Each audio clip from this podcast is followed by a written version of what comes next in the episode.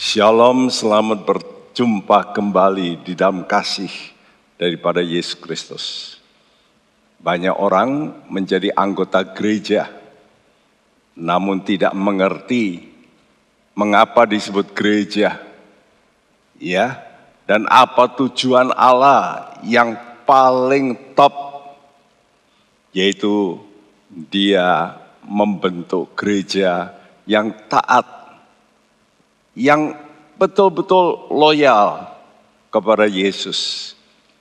Karena Yesus telah diutus jadi manusia untuk menjadi pemimpin dan direncanakan semua manusia harus tunduk kepada dia.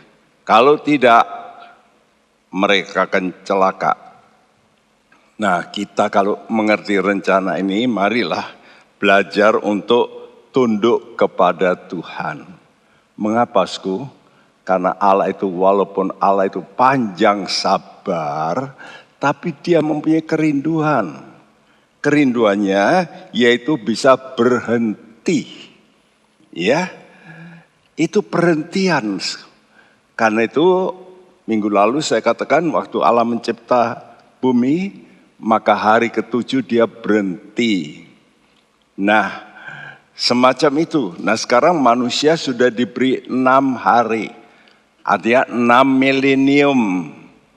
Sejak Adam itu sudah hampir tutup ini.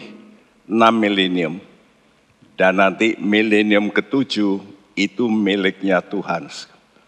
Dia akan berkata, ini hariku, ini waktuku, aku bisa istirahat setelah aku menunggu ya manusia 6000 tahun. Nah, tentu tidak bisa semua manusia menurut. Kenapa? Karena dipengaruhi oleh iblis. Namun dia membentuk yang namanya gereja. Yaitu yang bisa menurut dan taat dan itulah yang nanti akan diselamatkan. Ya, karena itu suku sub kedua yang kita bicarakan sore ini adalah gereja itu jawaban bagi perhentian Tuhan. Semacam ini nanti satu kali umat Tuhan dari semua penjuru bumi akan dicabut Tuhan ya dari muka bumi untuk bisa bersekutu dengan Yesus sebagai mempelai. Dan kita sebagai mempelai wanita. Ya, saudara, inilah kerinduan Tuhan supaya dia bisa berhenti dari semua pekerjaannya. Yang tentu dia punya kuasa, maha kuasa, tapi selama 6000 tahun ini dia tidak menggunakan sewenang-wenang. Nah ini hebatnya Allah kita. Dia sabar menunggu, mendidik siapa yang mau. Karena itu selalu Tuhan kata barang siapa, barang siapa. Artinya kalau enggak mau, ya enggak apa-apa. Itu tanggung jawabmu kata Tuhan.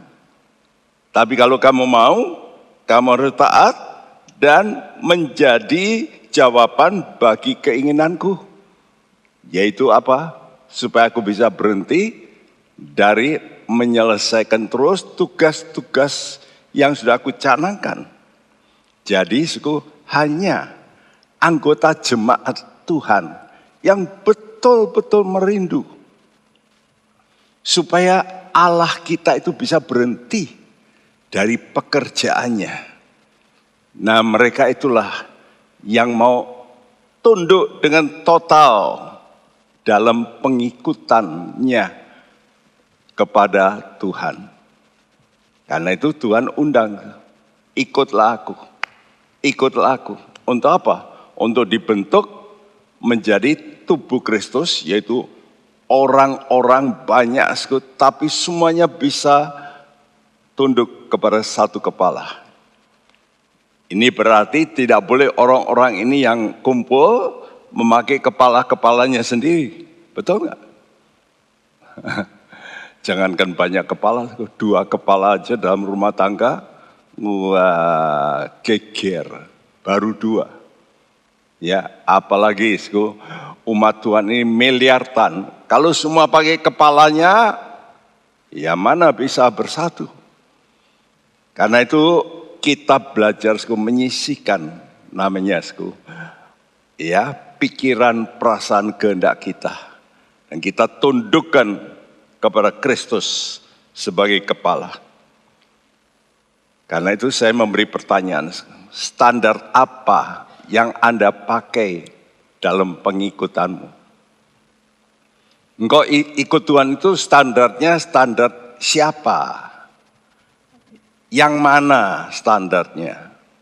Mari kita baca Matius 8 ayat 19 sampai 23 yang berbunyi, Lalu datanglah seorang ahli Taurat dan berkata kepadanya, Guru, aku akan mengikut engkau ke mana saja engkau pergi.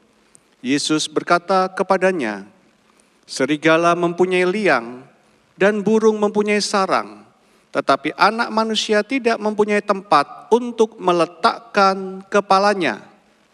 Seorang lain, yaitu salah seorang muridnya, berkata kepadanya, Tuhan, izinkanlah aku pergi dahulu menguburkan ayahku.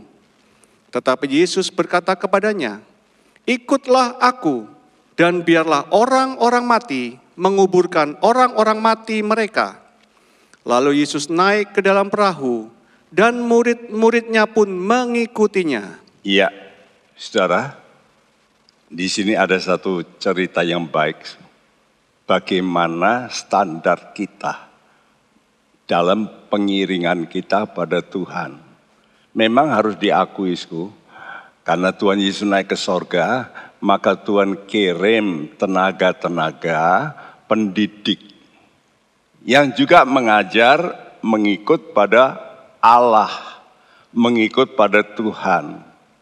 Nah, ini yang disebut oleh orang dunia agama. Ya semua agama kan mengajar supaya manusia itu bisa mengiring pada Tuhan, mengikuti jalan Tuhan. Betul enggak? Namun standarnya standar siapa begitu? Ya. Yang pertama seorang ahli Taurat. Ahli Taurat itu ahli kitab. Jadi ini otaknya hebat ini. Biasanya gini ini orang-orang yang ahli Taurat ini mesti doktor-doktor. Yang pandai-pandai ya meneliti huruf ya. Dia berkata, "Guru, aku akan mengikut engkau." Jelas kok. Bahkan bukan hanya mengikut, ke mana saja engkau pergi. Ke mana saja, wah hebat ya. Lalu Tuhan berkata, serigala itu mempunyai liang, burung mempunyai sarang, tapi anak manusia tidak mempunyai tempat untuk meletakkan kepala. Ternyata, ahli-ahli Taurat ini, kalau kita baca Alkitab, Paulus selalu memperingatkan, hati-hati, hati-hati. Mereka itu siapa? Serigala justru. Serigala yang buas. Nanti coba perhatikan ucapan-ucapan Paulus. Tuhan Yesus juga begitu, serigala. Ya, bahkan serigala di tengah mana? Di tengah domba. Jadi suku, yang banyak menyelewengkan itu justru yang pakai otak ini, kepalanya. Tidak mau menyingkirkan kepalanya untuk diganti dengan kepalanya Yesus. Karena itu anak manusia tidak mempunyai tempat untuk meletakkan apa? Kepalanya. Ahli Taurat itu pakai kepalanya siapa? Ya kepalanya dia ahli. Ya. Nah, ini tentu yang paling jelek. Dan ini banyak pengikutnya justru. Kenapa? Karena orang itu biasanya pakai otaknya memang. Pikiran, perasaan, kehendak. Wah nggak masuk akal. Wah Alkitab kok bunyi gitu? Masa bumi diciptakan hanya dalam enam hari, hari enam hari tok. Enam kali 24 jam, mana bisa? Itu bukan mencipta, merenovasi. Ya, sebenarnya. Ya. Lalu macam-macam. Katanya hari pertama ada terang. Lu kok hari keempat baru ada matahari bulan bintang. Mana itu? Mana masuk akal? Kan enggak masuk otak. Sehingga timbul kritik-kritik terhadap Alkitab. Lalu ada seorang lain, salah seorang murid. Nah, nah ini kan banyak kan orang kan biasanya punya pendidik. Ya, dan pendidiknya ini muridnya Yesus juga. Murid Yesus. Saudaraku. Seperti Paulus murid Yesus. Paulus punya murid bukan? Kalau kita lihat ada Timotius, tapi ada Demas. Tapi akhirnya apa? Demas meninggalkan. Nah, orang-orang semacam ini. Demas itu siapa? Muridnya siapa? Muridnya Yesus seorang lain, ya, seorang murid ini. Tuhan izinkan aku pergi dulu, aku mau ikut engkau, tapi aku mau ngubur dulu. Ya, orang tuaku, ayahku. Dalam Injil Lukas, cerita yang sama, ditambah itu, aku mau pamitan dulu sama keluargaku. Oh kalau gitu Orang Kristen tidak boleh toh ngomong sama orang tua. Bukan begitu. Nanti kita terangkan. Apa kata Tuhan? Ya, ikutlah aku. Biarkan orang mati menguburkan orang-orang mati. Wah, kalau sudah dengar ini perkataan Tuhan kok nyengit sekali. Ya, masa nguburkan orang ayahku aja nggak boleh. Nah ini jangan salah tangkap. Tuh. Ini Tuhan bicara ini dalam arti rohani tentu. Nah, biasanya perikop ini berhenti sampai di sini. Sudah membaca di mana ini ayat 23 perikop yang berikut. Tapi saya tergerak membaca terus. Wih, nyambung ini. Lalu Yesus naik ke dalam perahu.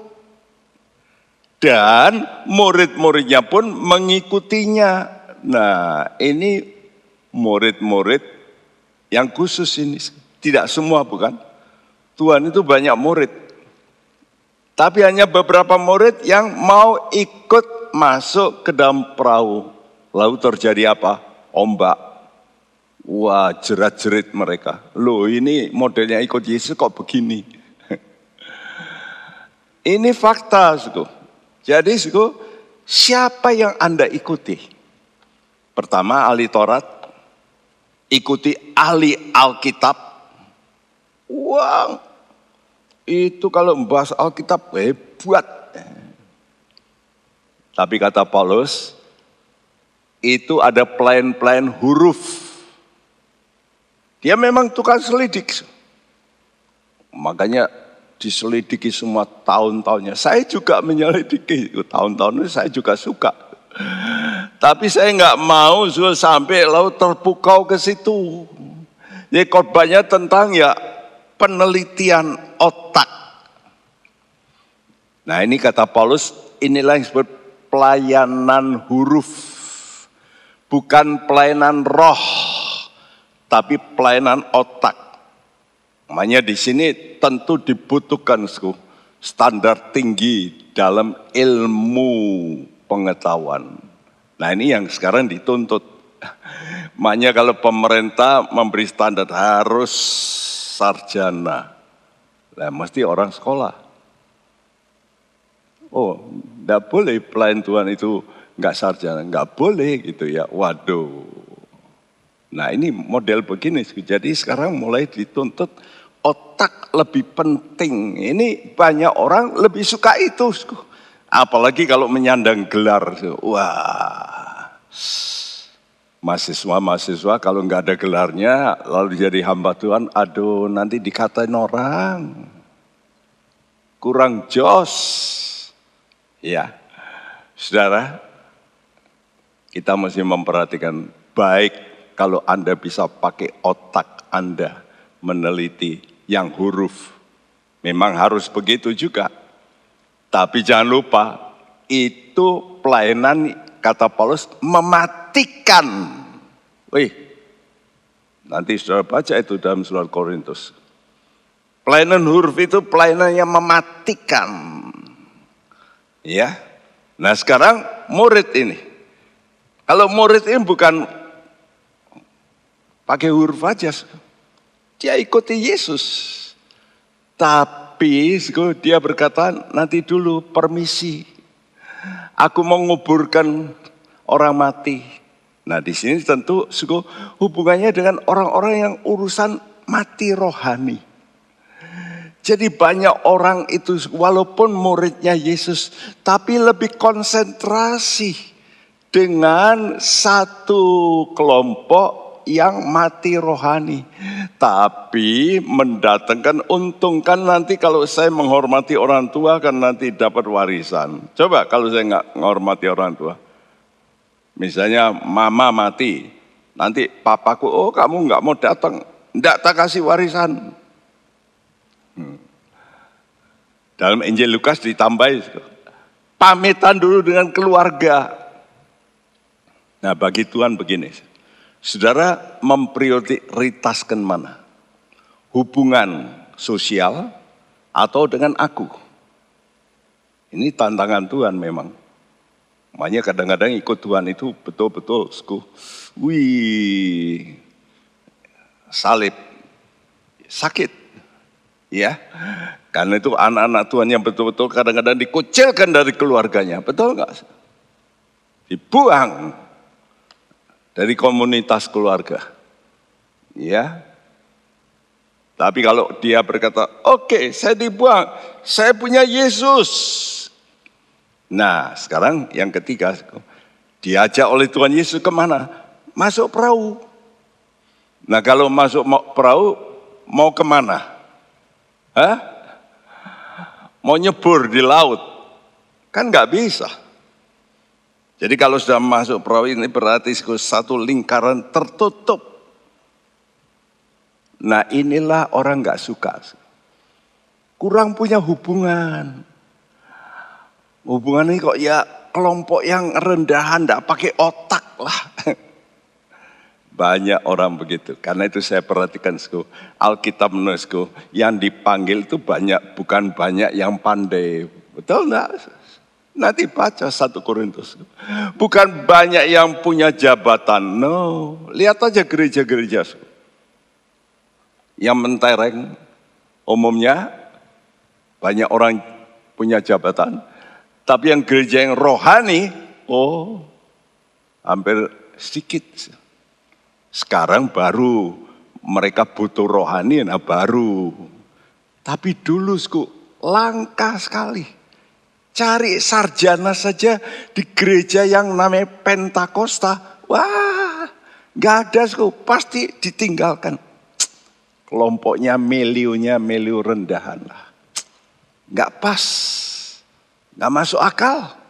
Ya, saudara, nah Maukah kita ini diikat oleh Tuhan dalam kelompok kecil tapi yang rohani.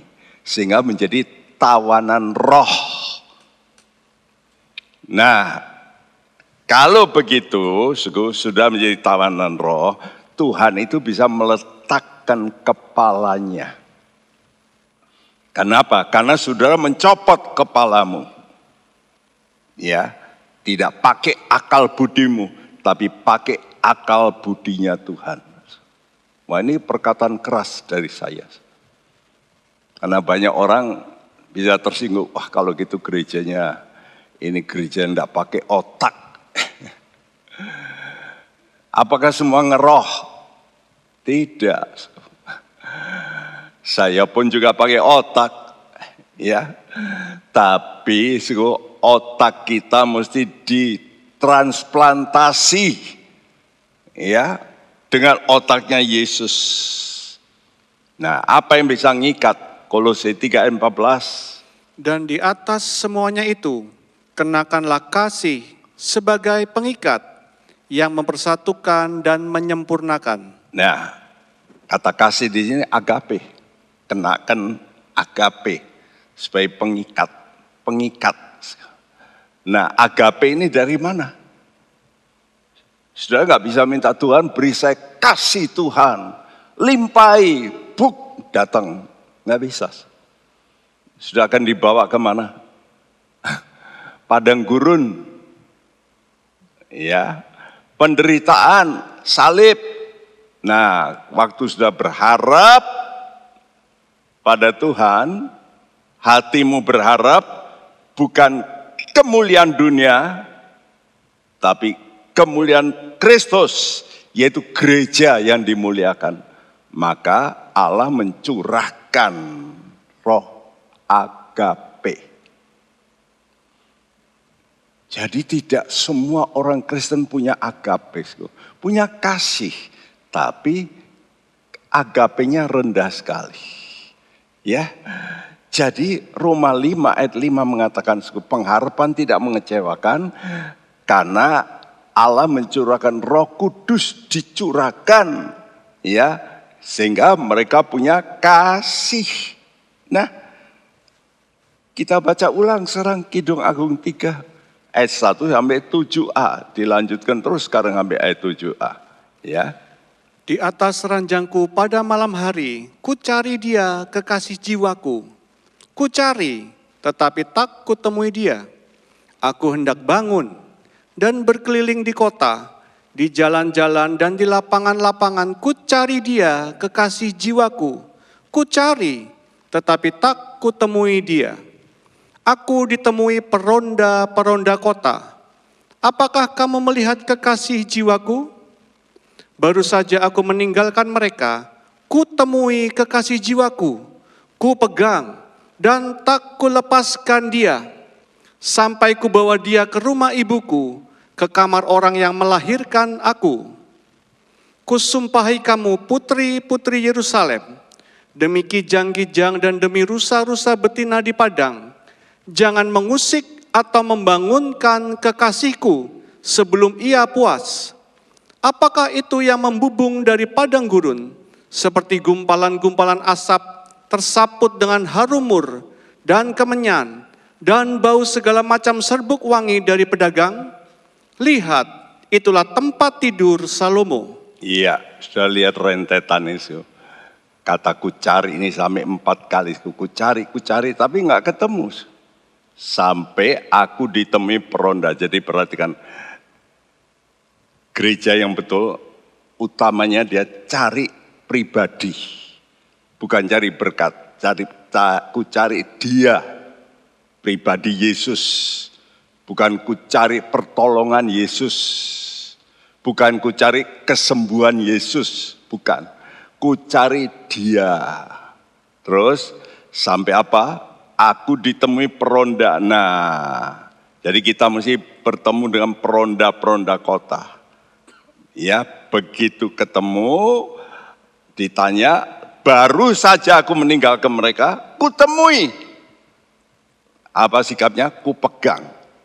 Tidak ku lepaskan. Sampai ku bawa ke rumah ibuku. Bahkan ke kamar orang yang melahirkan aku. Lalu dia menyumpai putri-putri Yerusalem.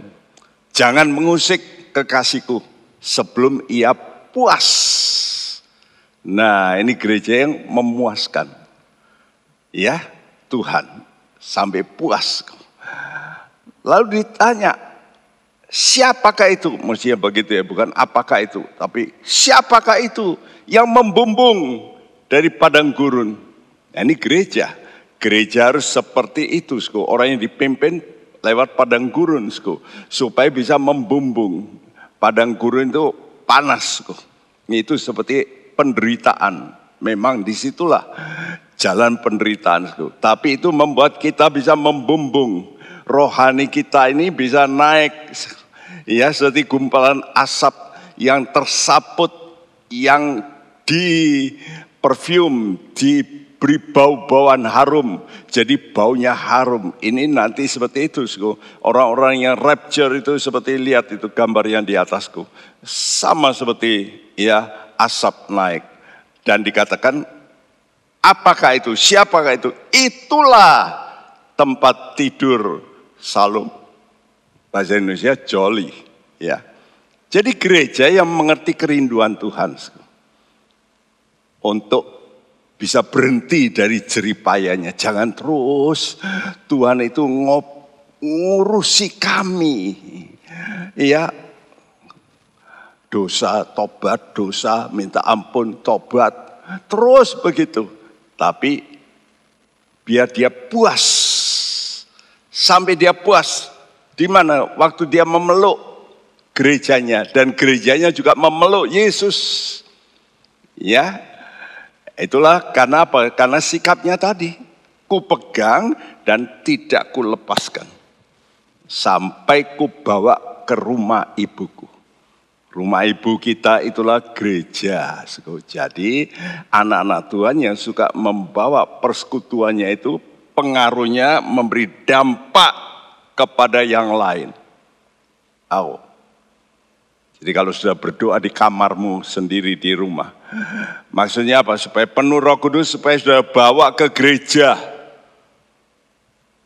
Lain sekarang orang datang ke gereja mencari Betul nggak? Ya, memang itu tugas kita yang lebih rohani. Bukan mencari, memberi dampak. Halo, apakah punya minat itu? Kalau orang sudah mau memberi dampak, bukan menerima dampak. Nah, dialah sulung. Ya, jadi pribadi-pribadi yang dapat memberi dampak persekutuannya di rumah Tuhan, rumah ibuku membuat sampai dia puas. Kenapa? Karena pengaruh itu mempengaruhi anak-anak Tuhan yang lain dan anak-anak Tuhan yang lain bisa taat sama Tuhan. Wah, Tuhan puas. Karena itu gereja Tuhan ya sebagai tubuh Kristus yang bisa memberi perhentian kepada kepala. Jadi perhatikan gereja itu seperti tubuh. Kalau sudah bagus tubuhnya, Tuhan baru mau meletakkan kepalanya. Sekarang Tuhan masih belum mau. Kenapa? Ya gereja aja gegeran sendiri, ribut. Pendeta dengan pendeta, ribut. Waduh, sinode dengan sinode. Waduh, kita dengar begitu itu ngeri. Ya. Karena itu Tuhan nanti pilih dari orang ini sinode ini. Mungkin yang sinode yang ribut itu. Tapi ada anak buahnya yang tidak mau begitu. Nah, itu Tuhan pegang. Kenapa? Karena orang itu cari Tuhan. Nah, itu bertekun cari Tuhan. Lalu suka bersekutu dengan peronda-peronda kota ini. Ya, jadi orang yang suka sekarang berdoa. Terlibat juga mulai memikirkan bersyafaat untuk orang lain, bukan untuk diri sendiri. Lalu ketiga, mereka yang mau lewat padang gurun, ya, menerima anugerah penderitaan itu padang gurun, bukan ngomel. Nah orang demikian inilah yang dicurai oleh roh agapes, oleh Tuhan. Kasih. Sehingga apa? Bisa berpaut pada Yesus. Dan pengaruh pautnya ini dia lalu bawa ke jemaat yang lain supaya bisa memberikan dampak baik spiritnya, baik pelayanannya, makanya suku ada jemaat yang nunggu dilayani, betul? Tapi ada jemaat yang suka melayani. Nah itu beda. Kenapa? Karena sudah berpaut dengan Yesus, Yesus itu selalu memberi berkat. Jadi kita kalau sudah bersifat memberi, wah kata Tuhan terlebih berkat memberi. Itu orang yang berpaut kepada Yesus, dia sharekan ke jemaatku. Dan kuncinya ingin memuaskan sang juru selamat. Nah, jadi Allah Bapa, Allah Putra, Allah Roh Kudus Tiga-tiga ini sudah sepakat untuk mengutus Yesus sebagai korban penebus dosa. Dengan tujuan top persekutuan yang erat seperti kepala dengan tubuh ini kan tidak bisa dipisah. Seperti mempelai laki dan mempelai perempuan, nggak bisa dipisah. Ya, nah karena itu kenapa Tuhan utus Yesus? Apa sebetulnya tujuan Yesus memanggil kita? 1 Korintus 1 ayat 9 berbunyi, Allah yang memanggil kamu kepada persekutuan dengan anaknya Yesus Kristus Tuhan kita adalah setia. Iya. Jadi sebetulnya Allah memanggil kita untuk apa? Bukan untuk menerima berkat, untuk persekutuan dengan Yesus. Sumber berkat. Nah, kalau kita bersekutu dengan sumber berkat, kita menerima berkat sehingga kita bisa memberkati. Ya, dan Yesus Tuhan kita itu setia. Nah, kita mesti mempunyai sifat ini. Jadi pribadi-pribadi yang demikian yang bisa suku membawa raja tadi ya itu ketemu lalu dipegang dibawa ke rumah ibu ya bahkan lalu katakan itulah tempat tidur Salomo jadi Tuhan itu merindukan damai. Anak-anak Tuhan yang bisa aduh baik sehingga Tuhan itu bisa berhenti. Nah itulah terjadi pada zaman Raja Salomo. Salomo berarti penuh damai, peaceful. Ya, dan damai ini memang dialami oleh bangsa Israel pada saat pemerintahan Salomo nggak ada perang. Ya, waktu dia baik loh ya. Kita baca satu Raja 4 ayat 24 25. Sebab ia berkuasa atas seluruh tanah di sebelah sini sungai Efrat, mulai dari Tifsah sampai ke Gaza, dan atas semua raja di sebelah sini sungai Efrat. Ia dikaruniai damai di seluruh negerinya, sehingga orang Yehuda dan orang Israel diam dengan tenteram, masing-masing di bawah pohon anggur dan pohon aranya, dari Dan sampai Bersheba seumur hidup Salomo. Seumur hidup Salomo. Seumur hidup. Ya. Jadi damai itu. Nah istilah masing-masing di bawah pohon anggur dan pohon ara itu nanti sudah ketemukan berkali-kali dalam Alkitab menunjukkan kemakmuran dan karena pemerintahnya damai. Dan inilah yang kita harapkan bukan? Kita menanti apa? Kerajaan damai kerajaan seribu tahun. Ya, tapi sebelum itu kita akan mengalami kedahsyatan malam. Kidung Agung 3 ayat 7 sampai 8. Sekarang dilanjutkan terus. Lihat, itulah tempat tidur Salomo dikelilingi oleh 60 pahlawan dari antara pahlawan-pahlawan Israel. Semua membawa pedang terlatih dalam perang, masing-masing dengan pedang pada pinggang karena kedahsyatan malam. Karena kedahsyatan atau kegentaran lebih baik begitu. Kegentaran malam, ketakutan malam. Jadi menjelang saat pernikahan gereja. Artinya kita dengan Tuhan nanti bisa kumpul selama-lamanya. Itu namanya tempat tidur bukan? Semacam orang menikah, lalu kumpul sampai mati. Nah kita dengan Tuhan begitu, saudaraku. Ya, kita akan kumpul selama-lamanya. Tapi menjelang itu harus lebih dulu mengalami malam yang dahsyat.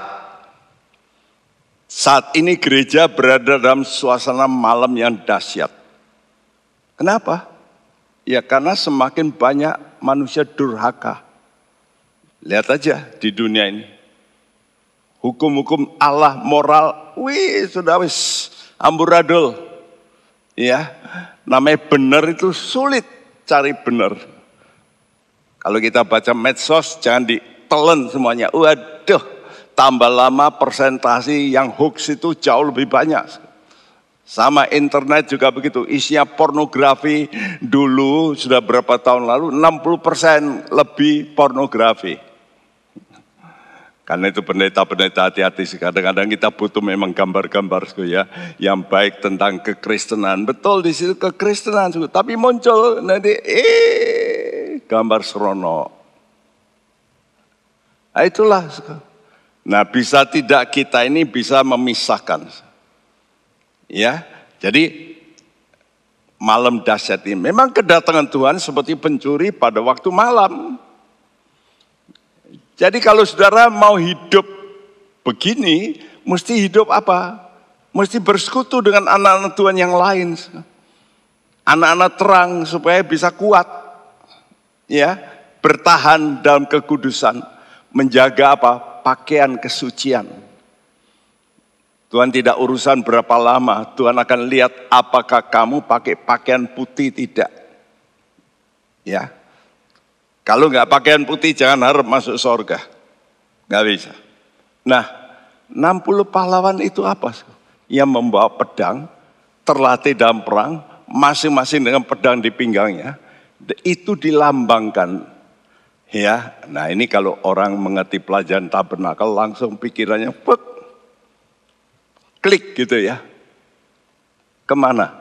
Tiang pagar kemah suci yang titik-titik itu. Kalau dihitung, yang panjang ke bawah itu 20, lalu yang melebar 10. Jadi 20 tambah 10, tambah 20, tambah 10, 60. Nah tiang ini untuk apa? Sku? Tiang ini untuk penggantung dari kain pagar yang lenan putih. Dan linen putih itu dalam wahyu dikatakan itulah kebenaran. Jadi sebagai batas pemisah. Ya, menyuarakan kebenaran. Di mana ada kebenaran, di situ ada apa? Pemisahan, kekudusan. Pagar di rumah untuk apa? Oh ya, untuk pemisah. Dan kata kudus itu berarti juga pisah jadi 60 ini adalah gambaran daripada orang-orang kudus. Ya, orang-orang kudus yang bagaimana? Nah, coba lihat ini gambar ini. Ya, jadi ada nanti sudah baca dalam keluaran tadi, suku ada tiang itu tiang yang saya tulis warna kuning agak merah, tiang dengan alas tembaga. 60 itu, 60 tiang. Ya. Lalu ada kaitannya di tiang itu ada kaitannya. Ya. Nah, waktu saya baca kaitan ini ini ternyata huruf Ibrani abjad keenam. Vowel. Ya. Dan ada penyambungnya seperti kalau sudah lihat di rumah-rumah sakit dikasih ini loh ya tongkat ini. Tentu ya ini enteng ya, tapi ini dari perak. Nah, perak bicara soal penebusan, tembaga bicara soal penghukuman. Ya. 60 ini ada 6 kali 10, 6 itu angka manusia. 10 itu angka kesempurnaan. 7 sempurna, 10 sempurna, 12 sempurna. Tapi kalau 7 sempurna dalam harmonisasi. Sepuluh sempurna dalam hukum. Seperti sepuluh hukum Taurat. Kakimu jarinya sepuluh. Tanganmu sepuluh. Artinya pendirianmu harus ada pada hukum Tuhan. Perbuatanmu juga hukum Tuhan. 60 itu pelayan-pelayan Tuhan yang menyuarakan hukum Allah yang sempurna. Ya. Jadi suara kesempurnaan. Kesempurnaan ini bukan cuma suku uh, Injil itu juga mestinya berisi Taurat. Karena itu kata Tuhan, jangan kamu menghapus Taurat. Karena di Taurat itu ada apa? Murka Allah. Harus, harus, harus. Kalau tidak apa? Murka. Nah itulah tembaga. Karena itu tiang ini tiang tembaga, tapi di atasnya perak. Perak bicara soal penebusan. Saudara mau ditebus atau mau dihukum, terserah. Tergantung dari saudara mau tidak dikait ini. Ada kaitannya yang membuat ya kain pagar itu bisa gantung di situ. Wah, ini membutuhkan waktu saya baca ini dan Tuhan memberikan pengertian ya. Apa suara yang menyuarakan hukum Tuhan yang sempurna ini? Yohanes 3 ayat 36. Barang siapa percaya kepada anak, ia beroleh hidup yang kekal. Tetapi barang siapa tidak taat kepada anak, ia tidak akan melihat hidup, melainkan murka Allah tetap ada di atasnya. Pernah saudara tanya, ayat ini dimulai barang siapa percaya beroleh hidup yang kekal. Tetapi dia tidak berkata barang siapa tidak percaya. Kenapa dia itu tidak taat? Nah, kalau membaca Alkitab itu mesti begitu. Yang di atas dalam kata percaya. Tapi yang berikutnya yang anu tidak taat. Jadi banyak orang percaya tapi nggak taat. Banyak enggak ini? Banyak. Ia tidak akan melihat hidup, tapi murka, hukuman. Nah itu tadi, tiang di bawahnya ada apa? Ya ada alas tembaga, hukuman. Jadi, hamba-hamba Tuhan bukan hanya menyuarakan yang baik-baik berkat, tapi perlu juga menyuarakan hukuman Allah. Ya, itu baru sempurna. Jadi jangan yang enak saja, oh Tuhan itu waduh, full of grace, full of mercy. Memang, tapi banyak hamba Tuhan tidak berani berkata, kamu kalau nggak bertobat neraka. Uih, nanti lari semua. Wah itu kurang komplit. Karena itu tiang ini lalu dipasang di situ pipa ya, penyambung dari perak. Waktu ditulis kata fau ini, ini abjad ke-6. Mazmur 119 itu jumlahnya ayatnya 176 dibagi 8888. Ya.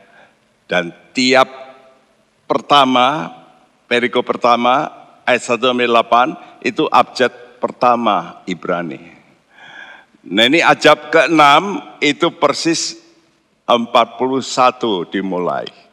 Berbunyi, Kiranya kasih setiamu mendatangi aku ya Tuhan, keselamatan daripadamu itu sesuai dengan janjimu. Iya, jadi abjad kelima itu kan sampai ayat 40. Ayat 41 terus sampai 8 ayat kemudian ini abjad ke-6. Fau, kiranya kasih setiamu. Wow, ini artinya walaupun ada peringatan hukuman, tapi kasih setia Tuhan Artinya di sini anugerah Allah mendatangi engkau. Mau enggak engkau diselamatkan? Ya, sesuai dengan janji Tuhan, mau enggak?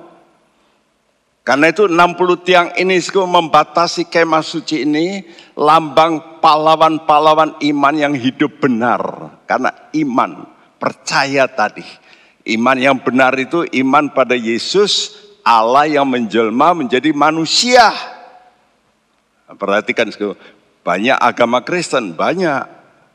Tapi tidak semua agama Kristen percaya Yesus itu Allah yang jelma jadi manusia. Oh begitu, iya banyak. Karena itu sekarang lagi marah ini, wih masuk Indonesia. Dan menarik orang-orang Kristen yang percaya Yesus itu Allah jadi manusia. Oh enggak, itu bukan Allah. Dia saudara tua kita. Dia memang baik, tapi bukan Allah. Kata Tuhan, roh apa itu? Roh antikris. Nah, orang yang percaya Yesus itu Allah menjelma itu roh kebenaran, spirit of truth. Inilah yang membawa kita bisa kudus.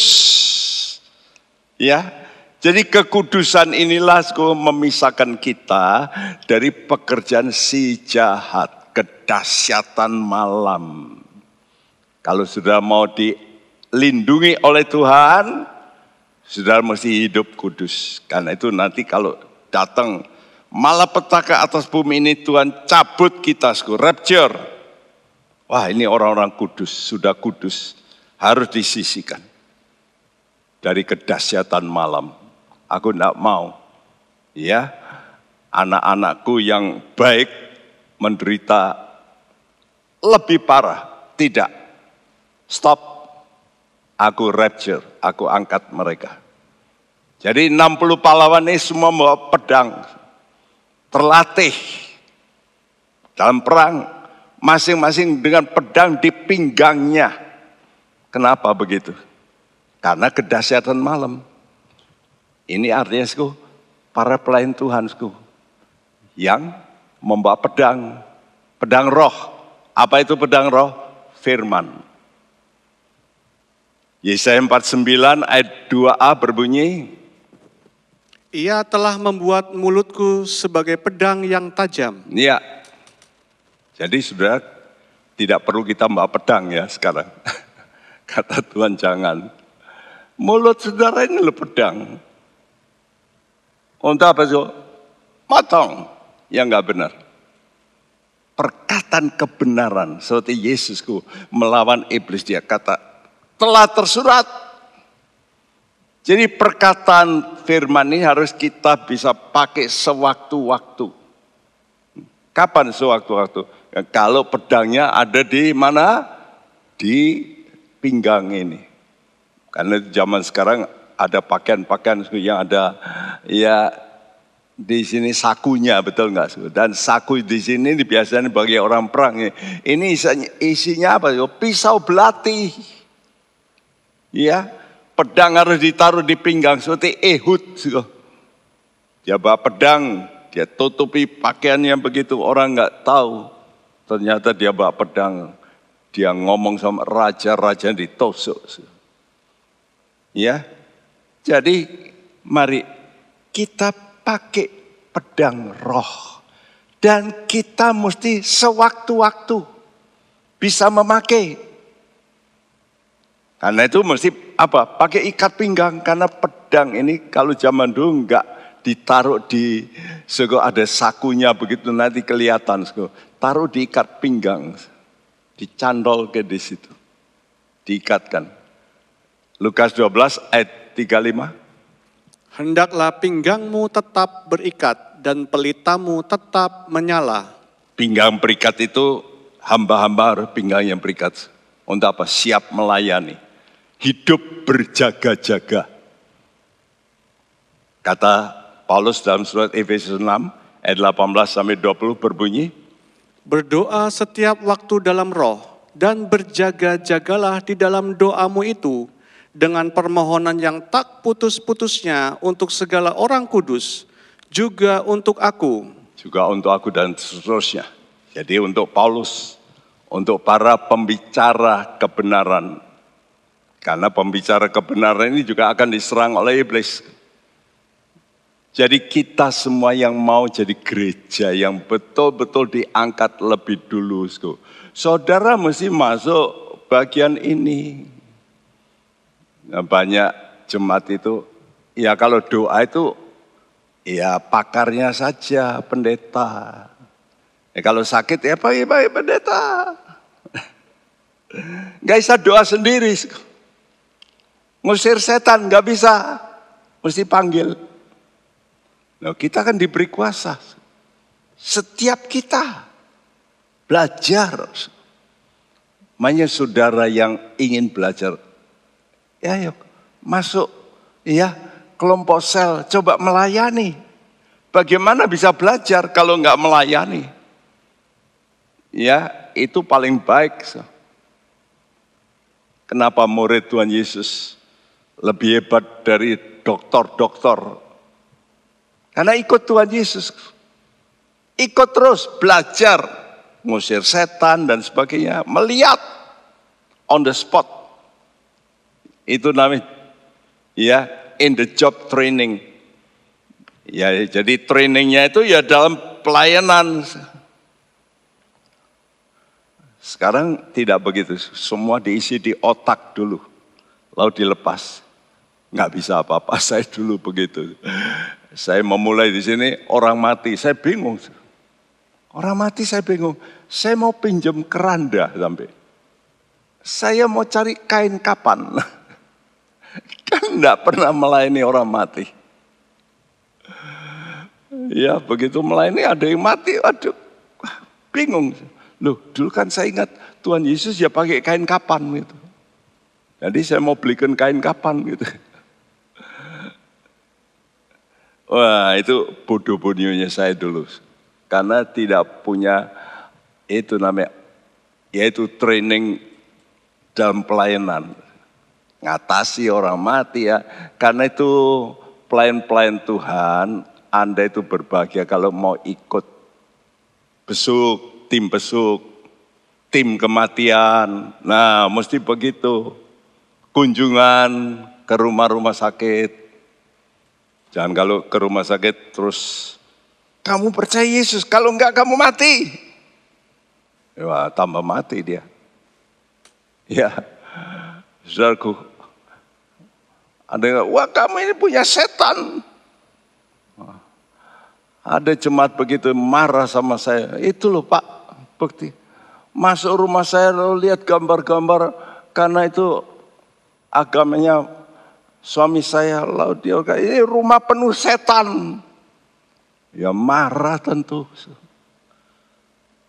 Kenapa? Bukannya ucapan pedang roh, tapi otak. Nah, karena itu saudara yang mau menjadi buah sulung yang mau diangkat lebih dulu oleh Tuhan. Rapture. Mempunyai kualitas mempelai yang membuat Tuhan itu bisa diam. Betul enggak? Kalau suami istri bersekutu dalam keintiman mereka diam, tidak bertengkar, tidak diam, tenang, rest, Nah, kita dengan Tuhan mesti begitu. Karena itu perhentian itu penting. Waktu saudara berdoa di bawah kaki Tuhan, itulah aku keintiman yang sungguh. Engkau memberikan waktu untuk Tuhan berintim dengan Anda. Nah orang demikian bisa karena mulutnya penuh firman. Pakai ucapan-ucapan firman. Kalau ada kegelisahan dia pakai Tuhan berkata begini, bersukacitalah hai jiwaku. Eh, jiwaku, jangan kamu gundah. Nah, kita pakai ya. Baca itu Mazmur. Daud waktu dia menghadapi kegundahan, apa dia ngomong? Hei jiwaku, jangan kau gundah. Jangan kau gelisah. Oh, dia ngomong sama dirinya sendiri. Kalau orang dunia bilang apa? Edan ngomong sendiri. Kita mesti kadang-kadang menengking so, jiwa kita ini yang kadang-kadang pakai pikirannya tidak rohani. Diam kamu. Suara batinku yang membujui saya. Diam. Begini firman Tuhan. Nah, itu namanya saudara penuh firman. Dan berdoa, berjaga-jaga senantiasa Jangan waktu aja ada waktu atau waktu kesusahan. Tapi senantiasa. Karena apa? Kedahsyatan malam. Mari kita suku dekat dengan Tuhan. Kita minta Tuhan pimpin saya. Penuhi saya dengan rohmu yang kudus dan penuhi kami dengan firman-Mu. Tuhan, penuhkanku dengan roh kudus. Hidup kami ini sebagai bejana, saudara ke bawa ke mana? adakan waktu untuk diisi bejana hatimu dengan sungai Roh Kudus.